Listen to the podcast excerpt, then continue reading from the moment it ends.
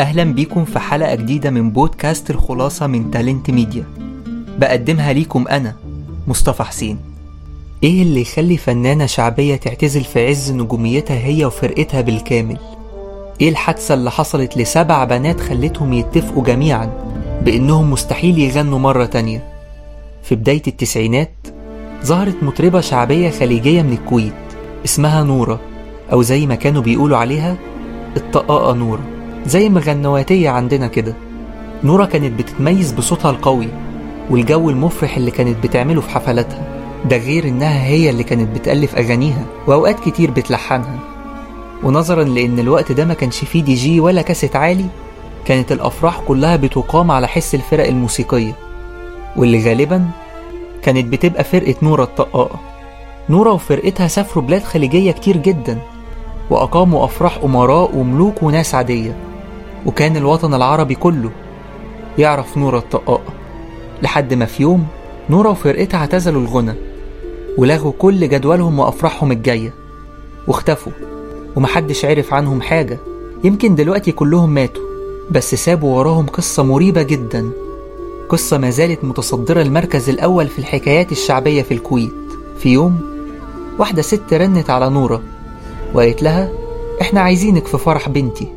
ونفسي تيجي وكلنا هنا بنحبك وانت اللي هتفرحينا ويا ريت تشرفينا و و و.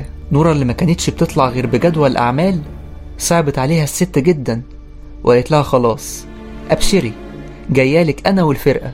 فرحكم إمتى؟ قالت لها النهاردة عشرة بالليل. نورة بسرعة كلمت فرقتها الست بنات وقالت لهم عندنا طلعة الليلة لازم نروحها. وبالفعل اتحركوا وراحوا على العنوان اللي أخدوه من الست وأول ما وصلوا لقوا بيت كبير جدا في حي الصباحية بالكويت مليان أنوار وزينة وطبخ وأكل وأطفال في كل مكان. فرح متكلف بمعنى أصح. البيت كان زحمة جدا لدرجة إنهم ما كانوش عارفين يتحركوا في وسط الناس عشان يدخلوا البيت. وبعد ما وصلوا جوه بصعوبة دخلتهم أم العروسة في أوضة مخصصة لاستقبالهم غيروا فيها لبسهم وجم بنات العرس يسلموا عليهم. وفي الوقت اللي كانوا بيستعدوا فيه للخروج واحدة من بنات الفرقة قالت لها انت مش ملاحظة حاجة؟ نورة في الوقت ده كان قلبها مقبوض وملاحظة فعلا بس كانت مكدبة نفسها ومش عايزة حد يأكد لها الإحساس ده فقالت للبنت بكل حزم لا مش ملاحظة يلا نطلع. قالت لها استني بس ليه البنات اللي سلموا علينا ملمس وشوشهم كلهم خشن؟ ليه كلهم تقال جدا مجرد ما بيقربوا مني بحس إني مخنوقة؟ نورة فتحت الباب وقالت لها مفيش حاجة من اللي انتي بتقولي عليها دي. ويلا بينا نطلع. طلعت نورة وفرقتها وبدأوا يفرشوا عدتهم. وبدأت السهرة والأغاني.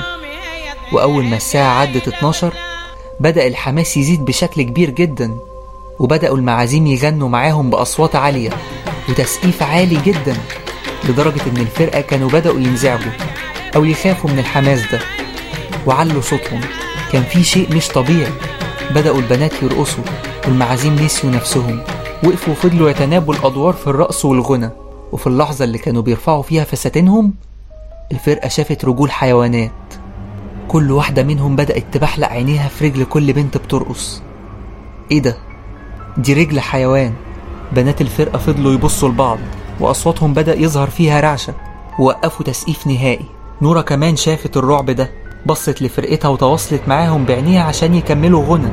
وإنهم أوعوا يوقفوا. بس محدش فيهم كان قادر يغني. كانوا بيقولوا الكلمات كده وخلاص. كله ساعتها كان بيفكر هو في وسط إيه بالظبط.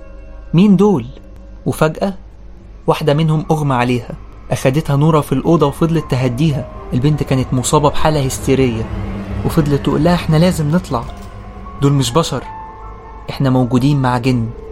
وبنغنيله نورة اللي كانت فاهمة في المواضيع دي كويس. قالت لها مش هتعرفي توقفي وتمشي مع نفسك. مش هتقدروا تمشوا غير لما نخلص.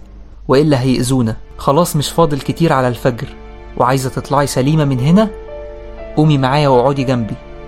ما ترقصيش ولا تغني. المهم تواجهي الموقف. وطلعت نورة لفرقتها. وكملوا غناهم. وهم مش قادرين يبصوا في عين أي حد فيهم. كل اللي قادرين يعملوه هو إنهم يحسبوا الوقت ونهاية الليلة دي. أما المعازيم فكانوا مشغولين جدا بالرقص وبالغنى والأكل. فضلوا كده طول الليل. لحد أذان الفجر. الله أكبر الله أكبر. وفجأة مرة واحدة النور قطع وكل الأصوات سكتت. كأنك طفيت التلفزيون بعد ما كنت معليه على آخره الساعة 3 بالليل مثلا. كل حاجة سكتت مرة واحدة لمدة دقيقتين أو ثلاثة لحد ما بنات الفرقة استوعبوا اللي حصل. ومرة واحدة قطع سكون الليل صريخهم وصواتهم وطلعوا يجروا ناحية الباب. وسابوا كل حاجة وراهم. فضلوا يجروا لحد ما طلعوا من البوابات.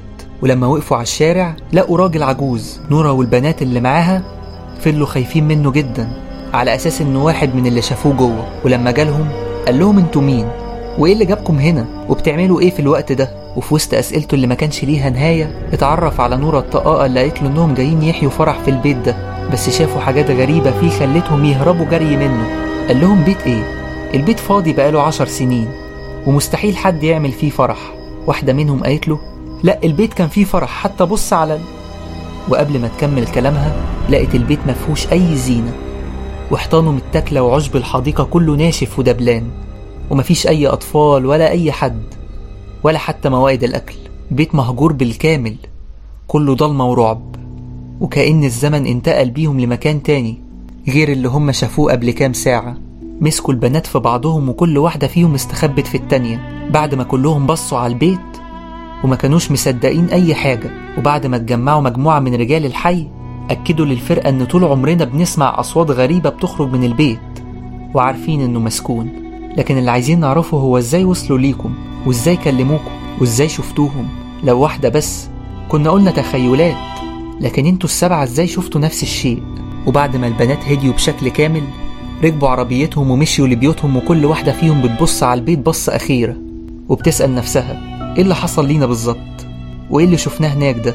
ومن ساعتها الطقاقة نورة وفرقتها قرروا محدش فيهم هيغني ولا يروحوا أي فرح تاني حفاظا على نفسهم من تعرضهم لأي موقف تاني شبيه بالموقف ده واختفوا واحدة ورا التانية. هي دي بقى حكاية الطقاقة نورة اللي كانت معزومة في فرح خاص بالجن. نورة نفسها ما حكتش الحكاية دي بشكل رسمي. ولكن دي القصة اللي حكاها المقربين منها وللست بنات واللي انتشرت بقوة في كل دول الخليج. في أسطورة شعبية بتقول إن كل الأفراح بيكون فيها جن على هيئة إنسان وبيشارك معانا في الفرح سواء بالغنى أو الرقص. وأحيانا بيستغل انشغال صديقك أو قريبك عنك في مكان بعيد في الحفل وبياخد شكله. فتخيل معايا لو الأسطورة دي حقيقية؟ تخيل بقى أنت ممكن تكون خبطت في كام واحد جوه قاعة الفرح وضحك لك وضحكت له. أو رقصت مع كام واحد وشاركته بإعجابك لأحد المعازيم. أو إن الأكل ما كانش حلو مثلا. تخيلت؟ المرة الجاية بقى يا سيدي لما تروح فيها فرح ولقيت حد متحمس قوي وشغال رقص يبقى بص على رجليه كويس. انتظرونا التلات القادم الساعة 9 مساء في حلقة جديدة من بودكاست الخلاصة من تالنت ميديا وتقدروا تسمعونا على كل apps البودكاست المفضلة ليكم. هتلاقونا موجودين عليها. وما تنسوش تتابعوا المنصة على كل وسائل التواصل الاجتماعي. عشان تعرفوا كل جديد عن البودكاست وعن كل الأعمال الجاية للمنصة تالنت ميديا وإلى اللقاء إن شاء الله. أنا مصطفى حسين ودي الخلاصة.